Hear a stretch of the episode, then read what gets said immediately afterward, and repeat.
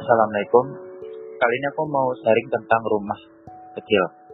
Rumahku itu kecil banget di kampung ya. Kenapa kecil ya? Emang takdir, bukan takdir juga sih, tapi karena bapakku suka aja ya rumah yang sederhana. Dari situ aku mengambil pelajaran kalau kita bisa sederhana, kenapa sih harus mewah? Ini soal gaya hidup ya. Dan ini benar-benar aku praktekkan di mana pun ketika aku di lingkungan A aku akan sederhana. Di mana pun aku akan tetap sederhana makan sederhana. Sederhana. Kalau aku kaya pun uangnya mau aku sedekahkan sebagian. Dan aku akan hidup sederhana baju yang biasa aja mobil biasa aja motor biasa aja yang berkualitas.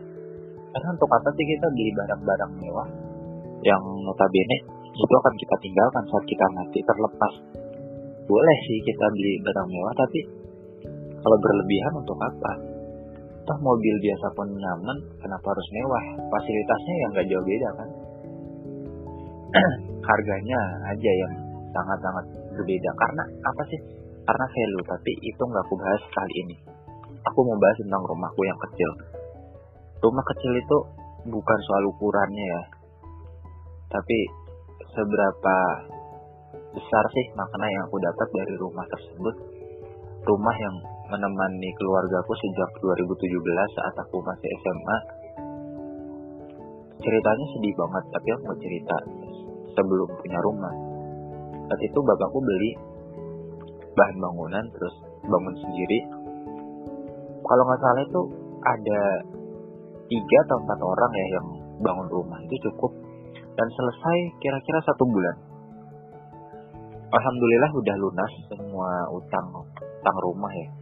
Meskipun tanahnya itu sebenarnya hibah ya. Bukan tanah bapakku itu tuh hibah.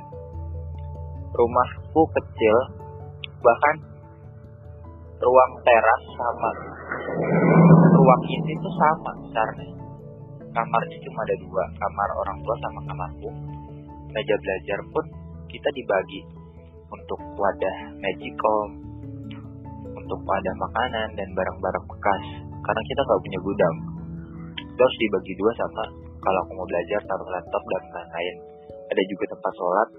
Lemari ada dua lemari baju untuk orang tua dan lemari baju untukku eh sama satu lagi lemari itu untuk baju-baju yang kiranya belum digosok. Ada kamar mandi kecil ukurannya dua. Kira-kira satu setengah kali dua. Itu aku pikir ini lebih ke minimalis ya. Dan tetap nyaman mobilitasnya tergantung bagaimana sih cara kita menempatkan barang-barang tersebut. Rumah besar tapi kalau penataan barangnya nggak rapi nggak pinter ya terasa sempit kan. Beda dengan hidup minimalis. Kita memakai barang hanya yang fungsional aja yang benar urgent dan sering dipakai. Kalau enggak ya tinggi buang atau ditaruh di tempat yang seharusnya seperti gudang atau yang lain karena waktu kita terbatas kan, nggak mungkin konsumsi semua barang yang kita punya. Ya, kita harus mengonsumsi atau menggunakan barang-barang yang kiranya prioritas. Dan itu sangat berpengaruh dengan kebahagiaan. Makin kita bisa mengelola aset yang kita punya, makin seimbang. Maka keseimbangan itu akan makin meningkat pula.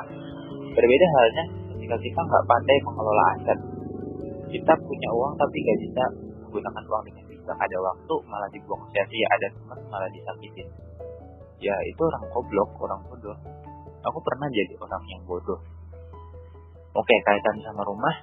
Dari rumah kecil tersebut tersimpan banyak kenangan dan kisah yang bisa aku tulis. Namun aku merasa kesulitan. Aku merasa capek dan lelah.